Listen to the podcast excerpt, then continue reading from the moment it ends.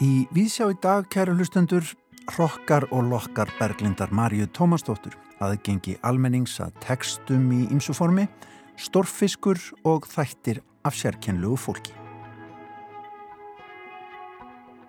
Berglind Marja Tómasdóttir tónlistarkona verður gestur Vísjári í dag en hún hefur staðið í stóraðum undanfarnar vikur, bæði sendt frá sér bók sem að heitir Tvísöngur, kvikmynd og tónlist á geisladiski og kassettu. Í heilt hverfist verkefni Berglinda Marju um tvö hljóðfæri sem hún hefur þróað á undanförnum árum og heita Rokkur og Lokkur. Berglind segir frá þessari nýsköpun sinni og ræðir einnig tilbúin og ekta menningararf er það er eitthvað sem er til yfir höfuð. Og talandi um arfaldana, hvað er í miðju hans og hvað er í jæðrið þess mikla arfs, út er komið 28. bindi í síninsbók Íslenskrar alþýðumenningar en það kallast þættir af sérkennlugu fólki. Bókin fjallar um fólk sem var á einhvern hátt hornreka í íslensku samfélagi fyrir tíðar, hvernig þetta fólk náði að lifa af og hvernig það hafði áhrif á samtíma fólksitt. Í greinum bókarinnar er að finna texta sem tengjast mannlýsingum og eftirlýstu fólki Fátækufólki, einstaklingum með andlegar og líkamlegar skerðingar, auk úrskurða og meðferð yfirvalda á jaðarsettu fólki. Solveig Ólafsdóttir og Alli Þór Kristinsson, tveir greinahöfundana í bókinni, koma í þátt dagsins og segja frá menningu fátæktar á Íslandi. Og Dagur Hjartarsson, reytöfundur, fjallar í pisli sínum í þættinum í dag, sínum síðastað sinni, um aðgengi almennings að textum í fjölbreyttu formi. Og loks er það Greta Sigriður Einarstóttir, einn bókarína viðsjár. Hún er búin að lesa eina af sjóðheitum skáldsögum sem að leynast í einhverjum jólapökkum landsmanna fyrir þessi jól.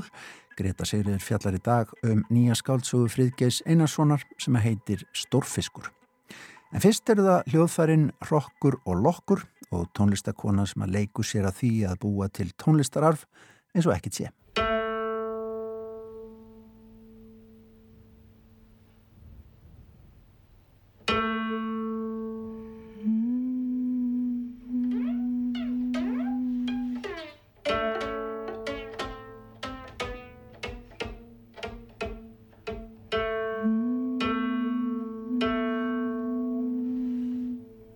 Að hlusta hérna á tónlist sem er samin upp úr upptökum fyrir hljóðfæri sem að heitir Lokkur og Lokkur, það er uppfinning eh, Berglindar Marju Tómasdóttur.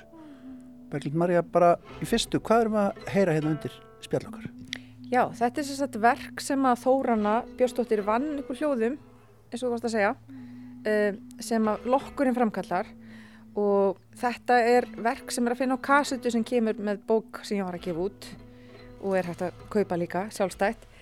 Og uh, þar eru verk sem eru svona eftir uh, já við erum alls tíu sem eigum verk og þau eru allir unnin upp úr hljóðum loksins.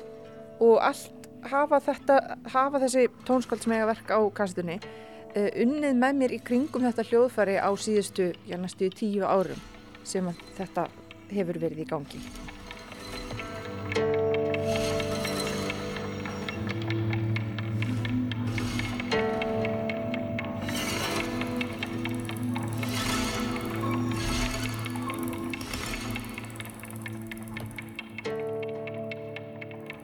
einhverju hlustunda okkar kannski hafa heyrtið tala um lokkin áður í útvarpið en, en rifja það eins upp. Hva, hvað er lokkurinn, hvaðan kemur þessu hugmynd um nýtt hljóðfæri og lístu kannski hans hljóðfærinu líka?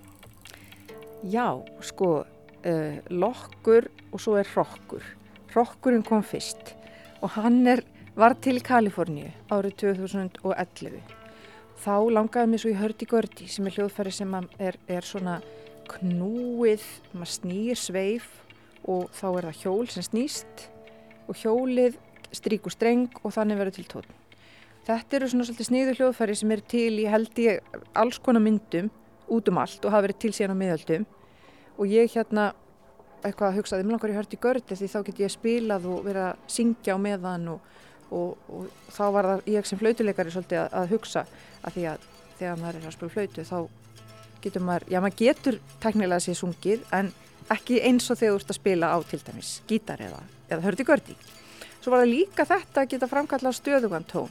Og ég áttum alveg á því þetta er svolítið úturdúra að hugsa þetta svona því að fyrir tíu árum voru líka til allskynns forrið í tölfum og allskynns tekni sem að sé til þess og geti búið til stöðungan tón.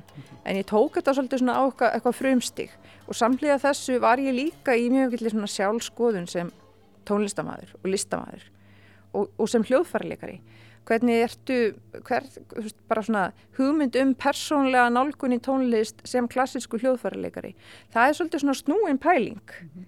og eitthvað sem að kannski þróast fyrir flesta mjög seint í svona námi og í framvindu þinni sem klassísku hljóðfærarleikari mm. af því það er svo mikið mikil þjálfun og það er svo mikið hérna Já, það er svo svona hátt fullkomlunar stig sem að er sett alltaf í fyrstan og þriðasæti mm.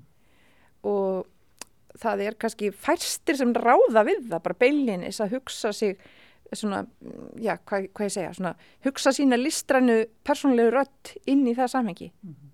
Þá hugsaði ég, já, nú bara bý ég til þjóðulegt hljóðfæri og ég ætla að kalla það rock og það verður svona svona, ég fyrst var það reynda hrokkurinn var, var, var handknúin, þá notaði ég sérst, sérst hjól afturenda úr, úr, úr krakkahjóli sem snýr, sem stríkur gítar, þannig myndast tótt og þetta er reynda til, það er til hljómsutri í heiminum þar sem að fólk er bókstallega að, að stíga hjól og hjólinn strjúka eitthvað strengi og, og það er til svona hljómsutir mm -hmm. Um, síðan þróaðist þetta yfir í lokkin og þá tók ég þetta svona á ennþá innan gæsalappa þjóðlegra level stík þegar ég hérna var með þá út um rock kynntist honu Jóni Marin og Jónssoni frábærum fylgjusmið og hérna hann við sagt, byggum til langspill og langspill og rockur mættust í loknum.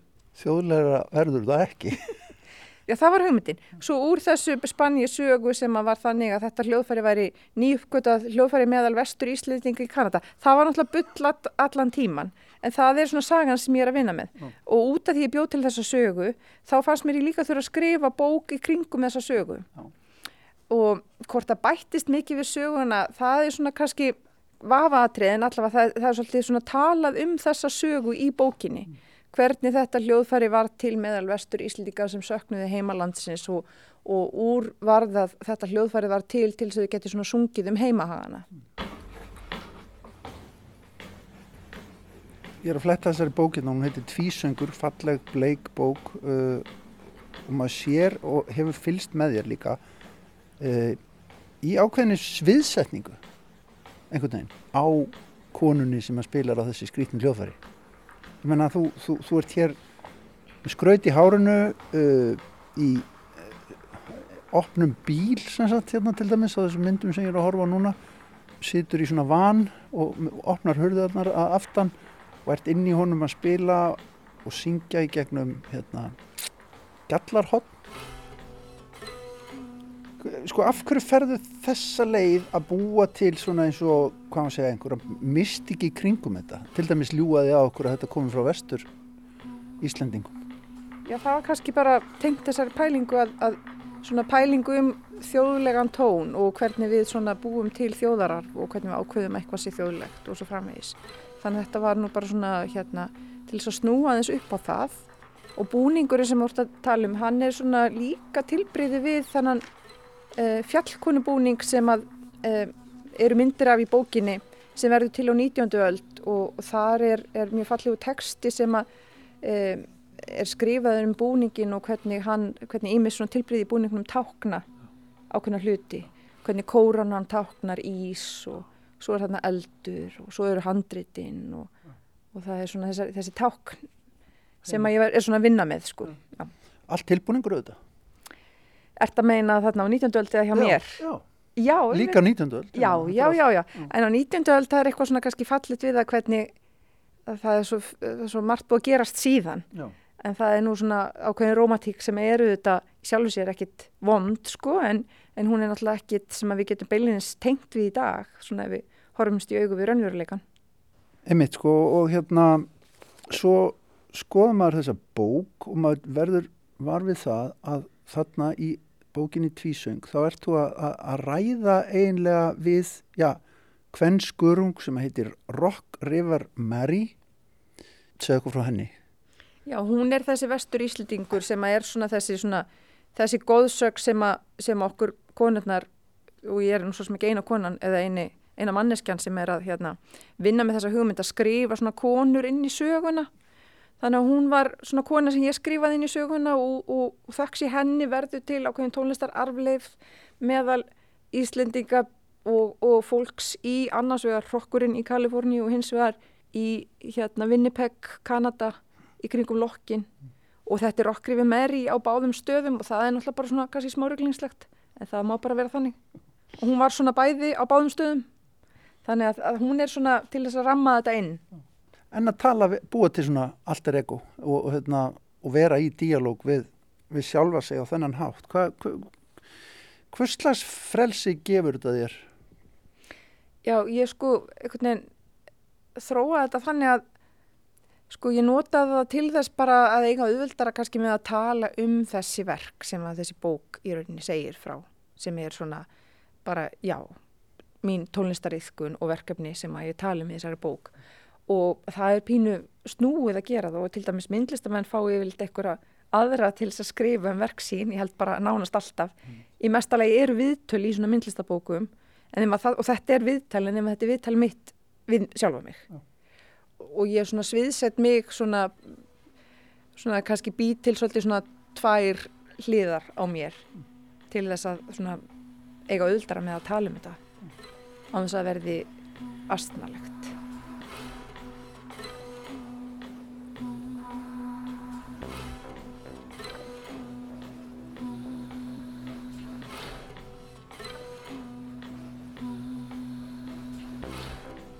En Berglind eins og þú rekur í bæði þessari bók og þessari útgáðu vegna þetta er fjölbreytt útgáðu þú ert líka með sko geisladisk eða hérna fysiska útgáðu þannig þú ert með þessa kassettu uh, og þú ert með þessa bók.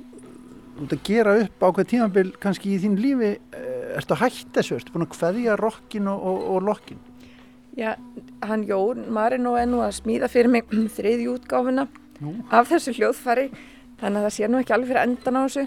En þetta er samt svona ákveðin innpökkun á, á eitthvað sem ég er búin að vera að gera undanferðin ár. Veist, og, og geisladískurinn inni heldur verk sem ég hef flutt á tónleikum.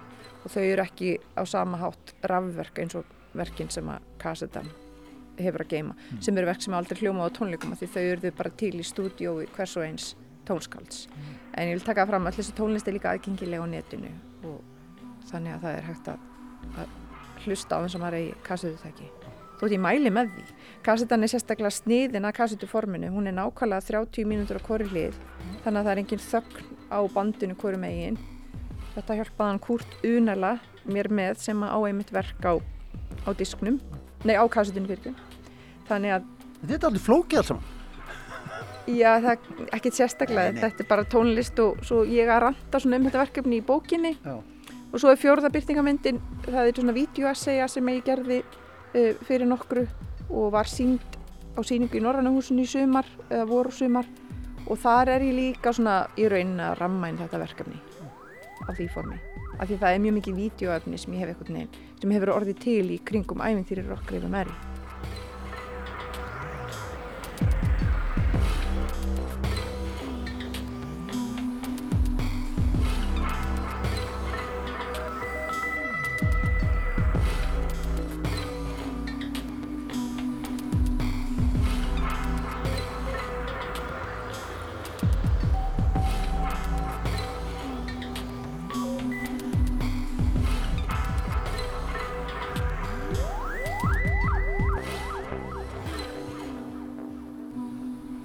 að þetta væri eina heimildin um, um þetta uh, verkefni og, og, og fólk myndi einhvern veginn detta inn á þetta í, í, hérna, í framtíðinni og sjá, sko, er þetta að því þú ert að leika þér með hugmyndina um arf og hvernig við búum hann til uh, upplifur þetta sem, sem trúverðut?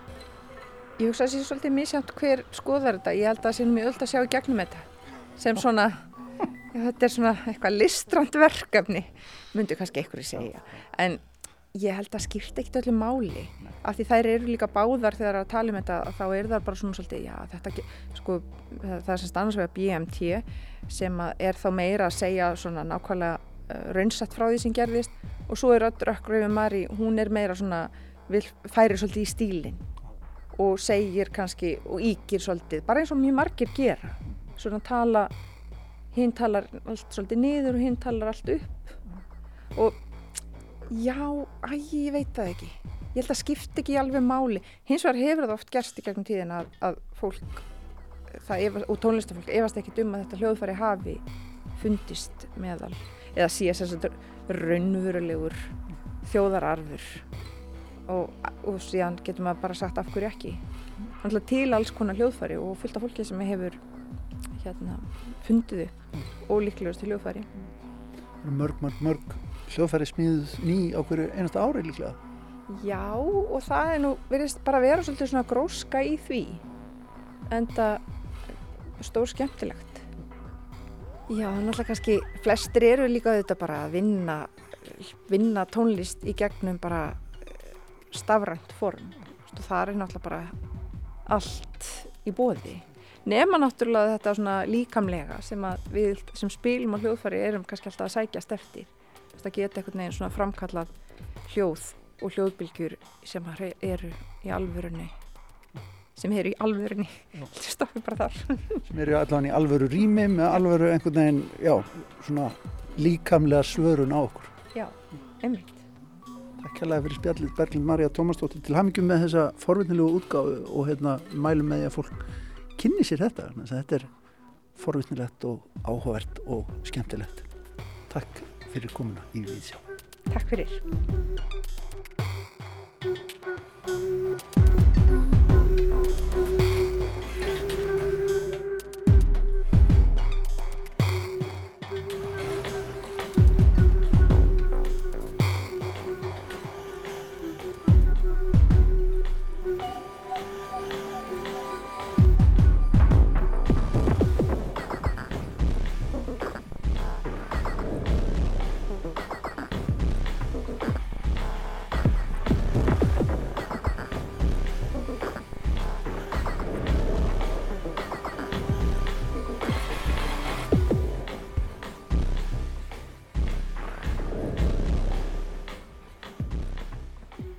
Berglind Marja Tómasdóttir þarna tekinn tali um tvísöng, nýja bók sína um hljóðfærin Rock og Lock sem hún hefur þróað síðustu árin og leikið sér þar með að búa til tónlistar og menningar arf.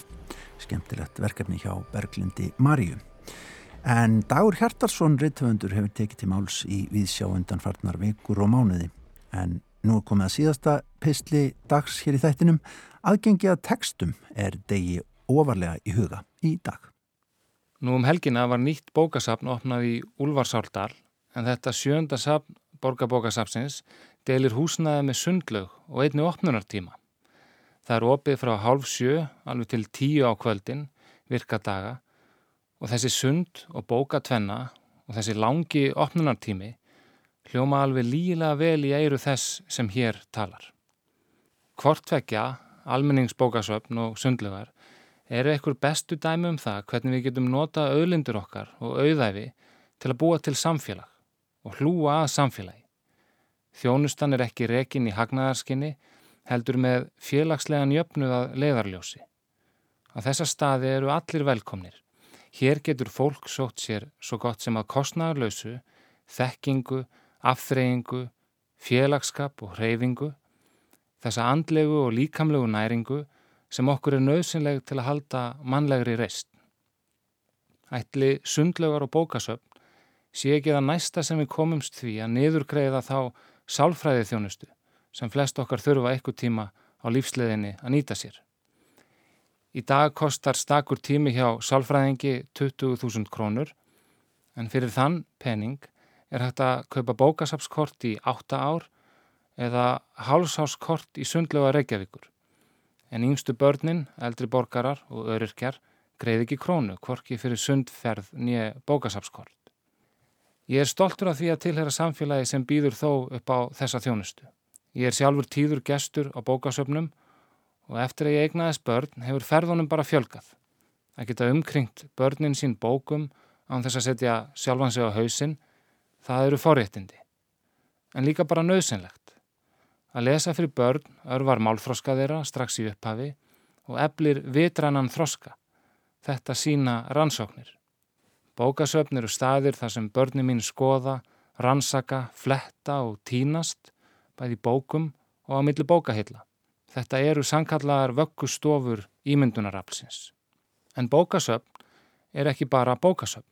Það er bóðið upp á alls konar námskeið fyrir fólk á öllum aldri, viðburði, fræðslu, tónlist og upplestra, svo eitthvað sé nefnt. Og á sumum þeirra er aðstæða til að sinna listsköpun, taka upp tónlist eða hlaðvörp, skapa, gera og vera. Í fæðingarorlofum mínum voru foreldramátnar á bókasafninu ómissandi. Þar hitti maður aðra foreldra, fekk kaffi, söng, lék og tók nokkrar bækur með heim, bæði fyrir sjálfan sig og börnin. Þannig var maður hluti af samfélagi sem ég saknaði sárt í síðasta fæðingarorlofi þegar COVID setti stryk í reikningin. Bókasöfn eru einna fáum stöðum og kannski síðasta víið þar sem maður sér enn fólk úr flestum stjættum og lögum samfélagsins koma saman. Fólk á jæðri samfélagsins finnur þar skjól en hefur líka aðgangað tölvum og dagblöðum svo eitthvað sé nefnt. Hælisleitendur sömu leiðis fólk sem er alls ekki velkomið hvar sem það fer, en nýtur næðis á bókasöfnum. Í samfélagi þar sem hraðin verður stöðut ægilegri og háfaðin meira ærandi eru bókasöfn líka eitt hinsta skjól þagnarinnar. Sem betur fer eru enn til staðir þar sem maður getur verið eitt með sjálfum sér, ráfað hillu frá hillu og kannski rekist á bók sem breyti lífimanns eða bara notið þess að rekast á alls engan. Frettinnar af Nýju bókasafnu og nýri sundlög í Ulfarsárdal glöttu mig því mjög. Þetta er líka praktísk tvenna. Ef sagan hefur kent okkur eitthvað, er það að bókasöfn eiga það til að brenna og ætli sambúðin við sundlög drægi gögn úr þeirri hættu. En bókasöfn eru lifandi stopnanir. Það er verða að fá að þróast og þroskast með samfélaginu og tækninni því ef þau gera það ekki, býður þeirra annars konar bruni og eins og staðan er í dag gæti það verið stafrætt brunni. Lestrarvennur fólks hafa tekið miklum breytingum á 2001. öld og halvu ótrúlega hröðum breytingum bara á síðustu fimm árum eða svo. Rafbækur hafa rutt sér til rúms en mestur vöxtur hefur þó orðið í hljóðbókum. Sífælt fleiri kjósa að hlusta á bækur og ég er sjálfur farin að gera þetta í bland við hitt. Mér finnst gott að hlusta í göngutúrum eða í bílnum eða þegar ég brít saman þvott og ég les eflaust jafn mikið af rafbókum og prentbókum. Ef bókasöfnin eiga að vera lifandi og þjóna hlutverki sínu, verða þau að halda yfir þessa þróun. Þau verða að aðlagast 2001. öldinni. Það hafa þau enda reynd að gera. Fyrir nokkrum árum var rafbókasöfnið opnað, en það byggir á hinnu alþjóðlega overdrive kerfi sem bókasöfnum allan heim nýta sér. Þetta er þægilegt viðmót og örugt Rafbókasafni virkar alveg eins og venjulegt bókasafn. Oftast er hver bók til í einu eða tveimur eintökum, ímist sem hljóð eða rafbók og ef bókin sem hann langar í er í útláni, skráir maður sig á bygglista. Bara alveg eins og maður gerir út á næsta bókasafni. Rafbókasafninu hefur verið vel tekið af lesendum og í fyrstu bylgu COVID jökust útlánin um heil 50%. Af hverju þá þetta talum stafrænan bruna? Jú, Vandin er sá að á rafbókasafninu eru bara örfáar íslenskar bækur og að ég held alls engar bækur frá stærstu útgefendunum og þetta er risastort vandamál. Í viðtali í frettablaðinu í september árið 2020 lýsir Pálina Magnúsdóttir borgarbókavörður stöðinni. Tilvittun hefst. Bókaútgefundur á Íslandi með örfáum undantekningum hafa engan áhuga sínt á því að gefa út bækur sínar í rafrænu formi sem ég tel mjög miður, segir Pálína. Hún segir að ástæðan sé svo að bókaútgefundur séu fastir í þeim þangagangi að með slíkri útgáfu séu þeir að tapa sölu á verkum sínum og auka líkur á hverskonar fjölföldun og þjófnaði. Tilutnum líkur. Það verður að segjast eins og er að þetta er undarlega afstæða. Óttin við þjófnað og fjölföldun er úr lausu lofti gripin. Eins og áður segir, overdræfkerfið er notað út um allan heim og enga öryggiskalla á því að finna. Bókasöfn á hinum Norðurlöndunum nýta sér mörg þetta sama kerfi og þar eru reygin öflugur raf og hljóðbókasöfn með bókum á móðurmáli sapþegana. Hvað verður um bókaútgefundur ef bókasöfnin, uppbeldi stopnanir íslenskra lesenda, setja föst í síðustöld? Og hvaða mórölsku skildu hafa bókaútgefundur gangvart samfélaginu? Geta þeir svelt rafbókasafnið af efni bara út af því að þeim sínist svo? Í janúar árið 2019 voru sett lög um stuðning við útgáfu bóka á íslensku. Með þeim er bókaútgefundum treyðar árlega 300 miljónir í styrk í formi 25% endurgreðslu og helstu kostnæðaliðum, meðal annars prenti, rittstjórn, hönnun og höfundarlaunum. Þótt ég fagni hverju krónu sem samfélagi leggur í menningu og listir þá spyrja mig hvert er markmiðið með lögunum? Tilgangurinn lítur að vera sá að áfram verði gefnar út bækur á íslensku en þurfum við ekki að tryggja að þær verði líka lesnar áfram og séu aðgengilega röllum. Íslenskur bókamarkaður er mjög sérstakur, bækurnar koma flestar út fyrir jólinn, þær eru dýrar í alþjóðlegum samanburði og eru enda langt flestar keftar sem gjafir. Sem betur fer fá margir enn bækur í jólagjöf en sömur fá engar bækur og það hafi gætið tök á að fylla hillurnar í barnaherbergin af bókum. Sem betur fer höfi bókasöfnin. En læstrarvennir fólks er að breytast og það sést glögt á íslenskum bókamarkaði.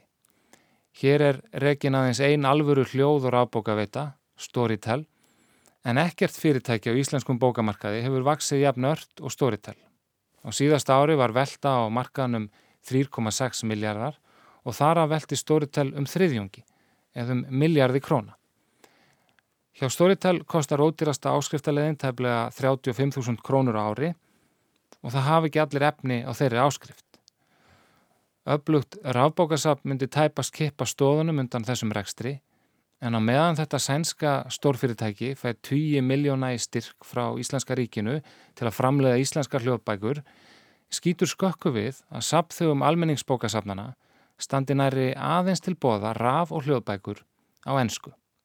Lilja Alfredsdóttir, menningamálar á þeirra, beitti sér fyrra árinu fyrir því að streymisveitan Disney Plus byði upp á íslenskan texta og talsetningu á barnaefni. En það lífsnauðsynlegt íslenskri tungu að börn á máltökuskeiði getur hort á barnaefni á íslensku á streymisveitum. Og ég trú ekki öðru en að ráþeran hafi allavega jafn mikinn áhuga á því að í stafrænum heimi 2001. aldar, þar sem raf og hljóðbækur munu taka yfir, að þá bjóðist íslenskum lesendum og íslenskum börnum af öllum stjættum og úr öllum lögum samfélagsins að lesa og hlusta á bækur á íslensku. Saði Dagur Hjartarsson, rítufundur, með sett síðasta upplegg hér í Víðsjá að sinni. Við þökkum honum framlæðið á síðustu vikum og mánuðum og heyrum vonandi í honum fyrir en síðar hér í þættinum aftur. En Greta Sigriður Einarstóttir, eitt bókarína okkar hér í Víðsjá, hefur verið að lesa nýja skáltsögu sem að heitir Stórfiskur og er eftir Fridger Einarsson. Skulum heyra hvað Gretu þótti um þá bóku. Það er sérstaklega vel viðegandi í miðjum desember með tilherandi jólastressi og þjættri dagskrá að leiða hugana núvitund. Tísku orð síðasta áratugar skiptir áheyrendum í tvo hópa. Þau sem tilbyðja hugmyndina um að vera fullkomlega meðvituð um allt sem gerist í kringum þau og hina sem hafa svo slæma reynslu af hugleðslu að þau fá hroll ef einhver talar um að anda inn og út. Það eru þó fleiri leiðir til að nálgast núvitund en að loka augunum og hlusta á andardráttin. Friðger Einarsson gaf nýverð út sína fjörðu bók, þar af aðra skáldsögu, Stórfisk. Hann hefur áður gefið út smásögur og settast við leikrit, meðal annars hinn að stórgóðu síningu Club Romantica. Í Stórfiski segir frá hönnuðinum Frans sem er búsettur í Þískalandi, en kemur heim til Ísland til að sækja sér læknistjónustu og vinna verkefni fyrir umtalað fyrirtæki í íslenskum sjávarútveg. Inn í þessa innföldu frásögn blandast svo bæði stórkveli og stórlagsar og árakstrar aðalpersonunar við fólkið í kringum sig setja skilin millir raunhaugkerfisins og borgarbarna í skapandi störfum í nýtt samhengi. Frans passar hverki alveg inn. Hann á í erfileikum með að koma sér þægilega fyrir í samfélaginu kringum nýtt heimili sitt í Þýskalandi þar sem hann býr með konu sinni og dóttur en hann átti ekki mikið öðveldra með að búa á starfa í Reykjavík og enn síður tengir hann við æskuslóðir foreldra sinna og fjölskyldu í borgarfyrði. Frans er aðal sögupersona og sögumadur bókarinnar. Hann hefur einstaklega skemmtilegan frásagnarstýl. Við fáum að heyra um allar hugsanirnar sem koma í kollin á honum og öll hans hverstagslegu görður og samskipti, lík þeim sem við eigum á hverjum degi en teljum sjálfnast nógu markverð til frásagnar. Í meðförum friðgers verður miðjusæti í flugvél ekki bara að stór skemmtilegri frásögn, heldur er hvert aðtök sem við fyrstu sín verðist ómarkvert, eitt púsl í starri mynd. Strax á fyrstu síðu er eins og það sé tekið í handbremsu og hægt á öllu í kringumann. Við fáum insýn í hugarheim aðalpersonunar og Frans segir okkur frá stóru sem smáu, sambandi hans við konuna sína, en líka hvar og hvernig hann drekkur kaffibotla yfir daginn. Í gegnum létt og hverstagslegt spjall um hluti sem við fyrstu sín virðast ekki frásagnarinnar verðir, komumst við að ímsu um líf og starf Frans. Erfiðleikana við að aðlagast lífi í nýju landi, en líka erfiðleikana sem voru farnir að láta á sér kræla heima fyrir. Við heyrum líka hvers vegna hann hefur svona mikinn tíma til að velta fyrir sér smáadriðanum, Hann er með óútskýrða verki í höndunum sem gera honum erfitt fyrir að sinna starfi sínu sem hönnuður. Þetta er með sniður í bókum sem ég hef lesið lengi. Bráðfyndin á lúmskan hátt. Hverstagsleg samskipti hönnuðarins frans við fólkið í kringum sig draga aðteglina að fáranlegri hliðum hverstagsins en grínið er góðlátlegt. Stílinn myndi mig stundum á David Sedaris og æfisögu þætti hans fyndnar hverstasögur sem láta skína í alvarlegri hlið. Það er kostulegt að lesa um hönnuðin Frans reynað að útskýra fyrir hryssingslegu manni á skrifstofu kvalveiði fyrirtækisins heimsbyggina á bakvið hönnun merkja fyrirtækja. Frans fer líka í kafkaist ferðalag kegnum skriffinsku rangala helbriðskerfisins á Íslandi og í Berlín á meðan hann sekkur sér í bakgrunnsvinnu fyrir hönnunarverkefni sem kunin kæri sig varla um. Þó innblínt sé á smáadriði falla öll púslinn saman í stærri mynd. Smátt og smátt kemur í ljós að það er í útúrdúrunum sem sagan sjálf á sér stað. Á tímum aukinar polariseringar getur umfjöllunar efni eins og kvalviðar á örskamri stund gert samfélagsmiðlanótendur öskrandi hása af reyði í hvora áttina sem er. Yfirleitt er fjallaðum málinn annarkvort af forsendum hagsmuna aðila, pólitíkur eða þá sem eru á móti aðtæfinu. Í stórfiski er fransins vegar tiltölulega hlutlaus áhörvendi. Með því að draga upp mynd af fólkinu sem er með og á móti fæst áhugaverð mynd af undeildri atvinnugrein. Forsendur náttúruvendar og atvinnugreinarinnar koma fram án þess þó að personur eigi langvinna rökræður sína milli eða flytji eldræður á hvort veginn sem er. Eins gaman og ég hafði af frans og ég hefði verið til í að lesa 300 blaðsíður í viðbútt um Frans að drekka morgunkaffið sitt. Það fannst mér vera vann nýttur efniviður í öðrum personum bókarinnar. Toggi og Gabriel eru hverstagsleg ansvör við hinnum sérsina Frans, en kvalveiði maðurinn Karl Guðmundsson er forvitnilegur karakter. Hann er snemma kynntur til sögunar af öðrum personum, en byrtið það ekki sjálfur fyrir en undir lok bókarinnar. Einni hefði verið áhugavert að fá frekari insýn í samband Frans við fjölskeldu sína Erlendis sem á sína eigin forfeður sem hann á ekki mikla tengingu við. Stórfiskur er ekki fullkominn skaldsaga. Söguþráðurinn verður halv endasleppur og í lókbókar er þó nokkrum spurningum ósvarað. Kanski jafnvel allsendis óvist hvaða spurninga var spurt til að byrja með. En þetta snýst ekki um áfangastæðin heldur ferðalagið og það er unun að lesa fylgjast með fransetja í þvottavél, læra á upptökutæki og engjast í félagslegum samskiptum sem hann óskaði ekki eftir. Í gegnum augu frans er allt til kunnulega á Íslandi framandgjert. Kvalveðar, auglýsingabransin, jafnvel sjóppa í borganesi. Með því að hæja á sér og gera áður óáhugaverð smáadriði sem ný og spennandi í augum lesenda, nær friðgeir að sína lesendum nýja sín á lífið í landinu. Þetta er spjesspeil en engu að síður er speilmyndin skýrari en maður á von á.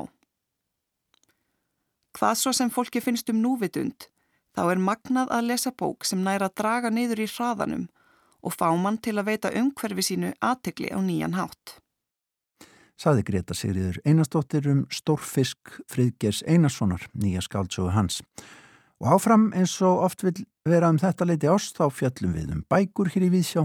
Halla, teku við. Í vikunni gaf háskólaútgafan út alveg einstaklega áhugaverða bók, 20. og 8. bindi í sínisbók Íslenskrar alþýðumenningar sem að kallast Þættir af sérkennilegu fólki. Davíð Ólafsson og Sigurður Gilvi Magnússon eru rítstjórar en bókin fjallar um fólk sem að var á einhvern hátt hodrega í íslensku samfélagi fyrir tíðar. Hvernig þetta fólk náða að lifa af og hvernig það hafði áhrif á samtíma fólk sitt. Höfundar greinana leita fanga í fjölbreyttu sapni heimilda og sapnað hefur verið saman tekstum sem að tengjast mannlýsingum, einstaklingum með andlegar eða líkamlegar skerðingar, auk úrskurða og meðferða yfirvalda á jáðarsettu fólki, fyrst og fremst ómögum og fátæku fólki. Solveig Ólafsdóttir og Alli Þór Kristinsson, þau eiga greinar í bókinni og þau er hinga komin til að segja mér betur frá hann að verið velkomin við sjá. Þakka þið fyrir. Kæra þakkir. Það segir á kápu að tilgangur greinasafnana sé að gera tilraun til að skilja það sem að nefnt hefur verið menning fátæktar. Hvernig Íslandingar gerður ráð fyrir því að fátækturrauninni bara þrifist? Það var bara gert ráð fyrir því, ekki satt. Jú. Getið þið, Solveig, kannski ef að þú getur aðeins svona vika þetta út fyrir mér? Já, þetta er, við höfum verið að eiga við þetta núna í nokkrum síðustu bókum Ég er svona, við fengið að vera svona, já, fótatakki fjaska núna síðustu hérna sínisbókum þar sem við höfum einmitt verið að, að taka sérstaklega fyrir þessa, þetta sem við köllum menningu fótaktar og í raun og veru hvað þetta hefur verið, hvað segja, grundvallar atriði í bara íslenskri uh, þjóðmenningu eða menningu, bara alltíðu menningu. Þetta er bara, eins og segja, uh, gefin stærð. Fátækt er eitthvað sem að bara gefið Mm -hmm. það voru bara, það voru allir einhvern veginn alveg á, á einhverjum sérstök, bara á einhverjum mjög stað það sem að lítið sem ekki þurft út að bregða til þess að þú veist að allt færi til landskotans. Mm -hmm. Þetta er svona gengur svolítið út á það að skoða bæði samtíma heimildir ofnbyrja yfirvalda að segja um þetta, þetta fólk sem að sko er, er í þessum fátækasta hluta mm -hmm. veist, og þá ertu komin ansi langt út á þeim svo kallaða jæðar mm -hmm. og hérna og ég mitt velta fyrir sig eigum þeirra eða eignaleysi aðalega mm -hmm. hvernig það bara í raun og veru hvernig þau byggu, hvernig þau lifðu þetta blessaða líf af mm -hmm. Og eins og þið segið eða eins og kemur fram í bókinu, þú veist, það var og við vitum það þetta í samfélagsgerðinu hvernig hún var það var bara gert ráð fyrir að svona væri þetta Já. það var ekki komin þessi hugmynd að samfélagi geti gripið að neini. Nei, sko þetta náttúrulega kemur, þetta er í þessu svakala top-down kerfi sem að var, það var eitthvað sem hétt Guð og svo hétt einhver, einhver, einhverst yfirvald og yfirvaldi, það var alltaf, nánasta yfirvaldi þitt var, um veit, fyrir ómað þig mm -hmm. Og þetta var semst húsbóndavaldiðin á heimilunum og svo framvegis og svo vald sóknarpresta yfir safnað fólki sín og svo framvegis og framvegis. Mm -hmm. Þannig að þetta er svo óbúslega brattur píramíti. Mm -hmm. Þessi skiljuríslösa hliðinni við mm. yfirbóra sinn og náttúrulega ábyrð hans á því að halda fólki hreinlega hérna megin við lífið en ekki hinnum megin. -hmm. Og, þannig að það, og þar eru kannski, þú veist, eru þessar, verða þessar sögur og þessar heimildi til sem við höfum verið að vinna úr. Einmitt. Þetta er alveg magnaðar heimildi sem er að vinna úr og þessar mannlýsingar sem að koma fram í þessari bók eru þetta bara ótrúlegar. Taland um kirkjuna, það eru þetta mikið að heimildum sem að koma þaðan og mikið af þessum mannlýsingum koma frá um mitt prestum. Já, þetta er náttúrulega það sem ég hef verið að fjalla um í doktorsettgerinni minni og, og þetta er það sem ég kalla yrðingar, það mm -hmm. sem að, í raun og veru þessar gildistinn hlöðinu aðtúasendir Já, presta og prófasta og hérna svo reps yfirvalda, síslumanna, þetta eru menn í þessum, þessari stöðu sem er í raun og verið að gera aðtóðasemtir mm -hmm. um fólk. Oft er þetta svona nánast eins og, eins og hérna einhvers konar örorkumatt. Einmitt, einmitt. Og þetta er þetta bara rött valdsins. Sem talar, einmitt. já. Tölum aðeins betur um það eftir. Allir, ég ætla að fá að heyra frá þér hérna árum fyrir mig yfir þessar mannlýsingar. Uh, þú, þín grein kallast Furður og framandi lönd, erlendar fréttir og kynjasögur á 17. og 18. Segð mér hans frá greinin þinn í bókinni. Jú, einmitt. Þar sín ég svolítið fram á það bara hvar, já, þar er ég raunin að leita því hvar áhugi Íslandinga fyrir öldum byrtist á, hvar áhugi þeirra á furðum og framandi fyrirbærum hverskonar. Mm. Hva, í hvaða heimildum byrtist hann? Nú hafa heimildur á borði ferðasögur eins og til dæmis Jóns Indi að fara á fleiri verið vinsalur um aldir og vel þekktar og svona kannski hinn svona augljósi viðkomi staður í leita slíkum sögum En einnig eru til aðrar heimildir, til dæmis eh, það voru þýtt erlend fræðiritt, um, landafræðiritt og um, já, alfræðiritt og ímislegt svoleiðs var mm -hmm. skólað upp á Íslandsstrendur, mm -hmm. var þýtt og mikið afritað. En þetta eru svona tveir flokkar sem hefur verið gefin gaumur af fræðimunum áður en svo hafa líka verið fundist svona erlendakynjasögur og slikt líka í annálum en sá heimildaflokkur hefur svona verið þekktari sem kannski bara svona ákveðin aðal heimildum Ísland fyrir og öldum og hefur verið nýtt aðala til að segja svona þessa þessa svona stóru Íslandssögu svolítið, eða svona mm -hmm. Íslandssögu með stóru íi en þar finnast líka inn á milli að kynjasögur en þetta verist ekki að skila sér alltaf að fullu inn í prentar útgáfur nú eru flestar prentar útgáfur af svona íslenskum merkilegum heimildum komna til ára sinna og orðið oft öld eða meira síðan það var gefið út og viðhorfólks hafa breyst. Þannig að sem ég, því sem, þannig að það sem ég skoða er til dæmis eitt rítstjóri, hérna hann, Hannes Þorstinsson uh, þjóðskjálaförður og, og hvernig hann svona útgáði stefna í hennu mikla bindi annálar 1400 til 1800 var en þar skar hann talsvert burt af þessum sögnum og leiði þeim ekki eins mikið að njóta sín sagði þær vera ómerkilegt fréttarusl. Voru þetta ekki bara æsi fréttir þess tíma líka? Í rauninni má segja það. Fólk sko. hafði alveg óbefandi áhuga á ferðarsögum á þessum tíma, eða ekki? Það er nefnilega máli, en svo þegar er komið fram undir lók 19. aldar, byrjun 20. aldar og svona íslenskir fræðum en hér alltaf fara að gefa þetta út þá nefn afskrifaði svolítið allt þetta, segja þetta kemur Ísland ekkert við og mm -hmm. hérna á ekki heima í virðulegu Þa, Það er hérna, litið niður á þetta Já, það er svolítið litið niður á þetta En er það ekki eins og Sólvi var að tala um þetta svona auðvitað rött valdsinn sem er þarna rittskoða og ákveður hvað við fáum að heyra og hvað ekki Jú, það er svolítið þannig sko það... Þessir menn höfðu alveg rosalega veldi svo Hannes Þorstinsson og Póll Egert Ólason og þessir menn sem í raun og veru búa til aðgangin eða satt, smíða hérna, göngin að íslenskri fortið, það er mm -hmm. málið. Akkurat. Já.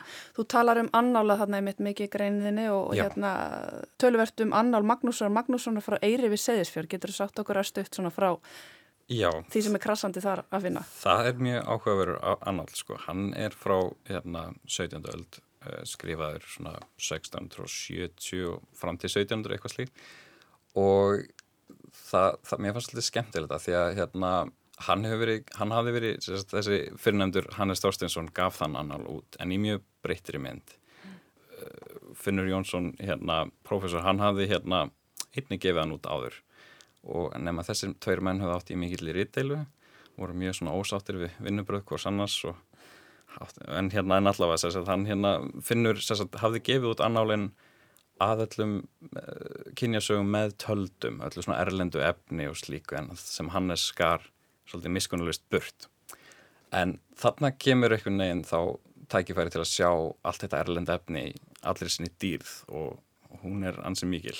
Það, já, það er margt þar að finna. Það, það eru eins og ég segið, það eru frettir af jarðskjáltum bæð á Ítalju en líka frá Jöfu í. Asíu. Mm -hmm þú veist, það eru Sagnir af intersex-fólki? Já, það er, það er svo margt sko, það er einn sem ég man eftir var til dæmis að það var maður sem að þó var svo hávaksinn að hann seldi aðgang, leiði fólk að sjá sig fyrir aðgangseyri og, og jú einmitt og svo eins og þú minnist á það kemur einn saga þarna að ég að með minni frá Fraklandi að þá hérna verður kona barshafandi en hún þörtekur fyrir það að leiði með nokkur manni. En fransk yfirvöld fara þá, hún, seg, já, hún segist bara að hafa búið þarna á samt einni konu. En yfirvöld fara þá að skoða þetta eitthvað nánar og þá er þessi kona tekin til þessi önnur kona tekin til yfirheyslu og þá kemur ljós að hún er sérsagt intersex og hefði því fræðilega geta barnað þessa manneski og þá er gefin út eitthvað tilskipun um það að að þess að manneskur sem eru eins og þau kallaða tvítóla eigi að brúka aðeins þann lim sem að þau bera karlmannsnafn af eins og þau segja. Annað væri hérna að njóta tvöfaldrar holdsins listisemi væri hér mjög sem væri náttúrulega allt of Alltaf gott. Það var alltaf mikið, já, alltaf mikið. Svo er svo merkilegt hvernig þessi saga ferðast frá Fraklandi og fer í eitthvað, eitthvað blað í Danmörku og þaðan er hún þýtt til Íslands og það skólar upp á strendur og vestfjörðum á Íslandi. Þetta er ótrúlegt hvernig þessar sögur ferðast. Það er nefnilega málug. Það er það sem vakti aðtiklega mín á. Mér fannst einhvern veginn svo merkilegt að komast í þetta, þetta einhvern veginn ljær þessum annálum svo allt annan blæ einhvern veginn heldur en þessar svona þá þurfa ég að tekið fram að þessar heimildútgáður er náttúrulega góra gælt að verðar og mikil mm -hmm. þregverki á sinni tíð en það bara Það er Ísland fyrir Íslendinga. Já, bara á, áhugin og Já. er aðeins annar í dag. En Solveig, þín, þú fjallar um lífsræði lífsfræði Jóns Gísurarssonar og Solveigar Eireksdóttur uh, og byrja á því að mitt eins og talar um að fjalla um yrðingar. Já Já, þetta er í raun og veru sagt, eh, verklag sem ég hef verið að nota í þessari doktorsrannsókminni sem gengur út á það að skoða fólk frá 1780 til 1936, fólk, 101 eh, einstakling sem við myndum kalla fallað fólk í dag. Mm. Já, ég vinn þessa sögur um þetta fólk, engungu, nánast engungu úr ofinbjörnum samtíma heimildum. Prestónustabókum, húsutunabókum, uh, brefum eða skjálasöfnum síslumanna uh, og svo framvegs og framvegs. Þetta er ofbúslega ríkulegt heimildasafn. Til þess að ná utanum uh, þessi gildislönu umæli þá, þá notaði ég orðið yrðingar. Þess að mér segi sko að hefur ofinbyrja yrði á viðkomandi einstakling mm -hmm. með þessum aðtjóðasendum. Mm -hmm. og, og svo er þetta í raun og veru svolítið til að geta sett svona svolítið hérna þessar, þessar minnsmunandi umsagnir sem geta verið allt frá því að vera nánast þessu örorku mati við bara ótæti skrei, þú veist alveg þetta, þetta getur verið eitt orð, þetta getur verið tölurveru texti, svona undir einn og sama hattin. Mm -hmm. Ég næ kannski eða reyni að, að ná og endur spekla við þorf uh, samtímans gegnum þessa valdsrött á viðkomandi einstaklinga. Akkurat. Og þetta gerir ég og, og við völdum þessa tvo einstaklinga, Solveigunafnum mína Eiríksdóttur og Jón Gísverarsson, ég og Marín Árnadóttir. Marín hún uh, tók saman mikla skrá um í raun og veru það sem við kallum sérkynlegt fólk úr prentuðum heimildum. Þá eru það bara all þessi alþýðufræði, þjóðlegu fróðulegur og allt þetta, tímarita greinar og svo framvegs allt sem eru og veru prentað og við höfðum svolítið svona skilgreiningun á þessu sérkynnilega fólki svolítið víða til þess að einmitt að, að sjá fjölbreytileikan og svo völdum við tvær manneskjur uh, til þess að skoða út frá þessum tveimur sjónarhortnum annars vegar lýsingar í þessum, þessum við kallum þjóðlega fróðuleik og svo þessar ofinberu lýsingar eða yrðingar á mm -hmm. eitt og sama fólki. Mm -hmm. Einmitt. og, og sagt, það er hérna fullt af mannlýsingum í bókinni, Já. þetta er alveg ótrúlega skrá, alveg magnaðar lýsingar og mér langaði bara út að tala um hérna gildislegan orð, mér langaði örstuðt bara til að lesa hérna upp lýsingu á nöfnu minni, höllu hans fjallæfindar og ég var nú eiginlega bara daldi miður mín að lesa þetta, mm. ég ætla að fá að lesa þetta. Halla er lág og fattvaksin, mjög dimlituð í andliti og höndum, skólegð og brúnaþung, opinmynd, langleit og mjög svip ill og ógeðsleg, dökk á hár, smáhend og grannhend, ólesandi og brúkar ekkert tópak. Svona eru þessar lýsingar og mm. sumar mjög langar og þetta er svona, það er ótrúlega miklar útlitslýsingar. Þetta er svolítið eins og að fara bara og lesa Íslendingasögur. Já, já, það byggir svolítið á þessari hefð, gömlu hefð verist verðendur ákveðin, orðræði hefð sem er jarpur og hár við þekkjum, þekkjum þetta öll og, og hérna það sem er náttúrulega skráinn sem að, að Daniel tók saman úr, úr alþingisbókunum mm -hmm. hefur náttúrulega þennan tilgang því að við getum ekki sett upp mynd og sagt þessi er eftirlýstur því að það er vestrunum og þarna þarf sem sagt að, að þurfa þessa lýsingar einmitt að, að draga fram sérkenni einstaklingana. Nákvæmlega. Um, Þú talar um þarna í, í, í þinni grein Solveig um ábyrð þína sem bara hver þín ábyrð er sem sagfræðingur og bendir á að sko þessi viðþór sem sköpuðist þarna á þessum tíma, gagvar þessu jáðarsetta fólki, mm. eru rauninni þau viðþór sem við byggjum okkar samfélag á í dag. Já, og þess vegna er hérna ábyrð manns sem rannsakata gríðarlega mikil og ég hef verið mjög hugsandi yfir þessu meðan á þessu stendur, þessu, þessu rannsóknarferðli Ég setti mig það markmið þegar ég byrjaði að stunda frelsandir ansóknir. Það, það, hugtak fæ ég svolítið úr föllunafræðinni, þar sem að ég hef verið mitt með annan fótinn og, og frelsandir ansóknir eru í raun og veru að hafa það markmið að hafa mark sitt á samfélagið til góðs. Mm -hmm. Þess vegna þurf þegar maður fer og er að tala um fávita, hálfvita og, og hérna, þú veist, fólkið sem í raun og veru var með þessar erðingar á sér, mm -hmm. þá verður maður að sko bæði þú getur ekki, hérna, þú getur ekki farið að, að þýða þetta yfir á einhvern, einhvern, einhvern hérna, greiningaróf, skiljur við, það, mm -hmm. það, það er ekki hægt. Þesta kalla ég í rauninu það sem að er að kvilla eins almennt eins og hægt er. Fólkið hafiði einhverja kvilla sem að voru þóttu frásagnaverðir eða, eða settu marksitt á samfélagið. Mm -hmm. Og þess vegna þegar þú ert að tala, er þetta þýða á milli kynnslóða, einmitt svona sögur, að þá verður að stíga varlega því hér. Mm. Þess vegna er svo ofbúslega verðmægt fyrir mig að geta haft einmitt í reitgerðina mína eða rannsóknuna mína svolítið uh, lausa undan þessum til dæmis ofbúslega sterku hérna, viðurnöfnum þú veist, veist Solveig Eiristóttir var alltaf kvöldu lúsa Solveig já, já, þessu uppnefni, þessu uppnefni. Mm -hmm. og, en, en þau eru hér í þessari bók Einmitt. í skráni og já. þess vegna skiptir þessi máli. Því svo getur maður bara að vísa því í skrána. Akkurat. Uh, Við bara bendum áhuga sem hlustundum á að, að næla sér í eintak af þáttum af sérkennilegu fólki 2008. sínusbók Íslenskara alþýðu menningar og takk ennilega fyrir að koma í við sjá um, Solveig Ólastóttir og Alli Þór Kristinsson. Takk fyrir. Kjærþakir Og um fjöllun um sérkennlegt fólk líkur vísjá í dag á þessum fymtudegi, síðustu vísjá vikunar að þessu sinni.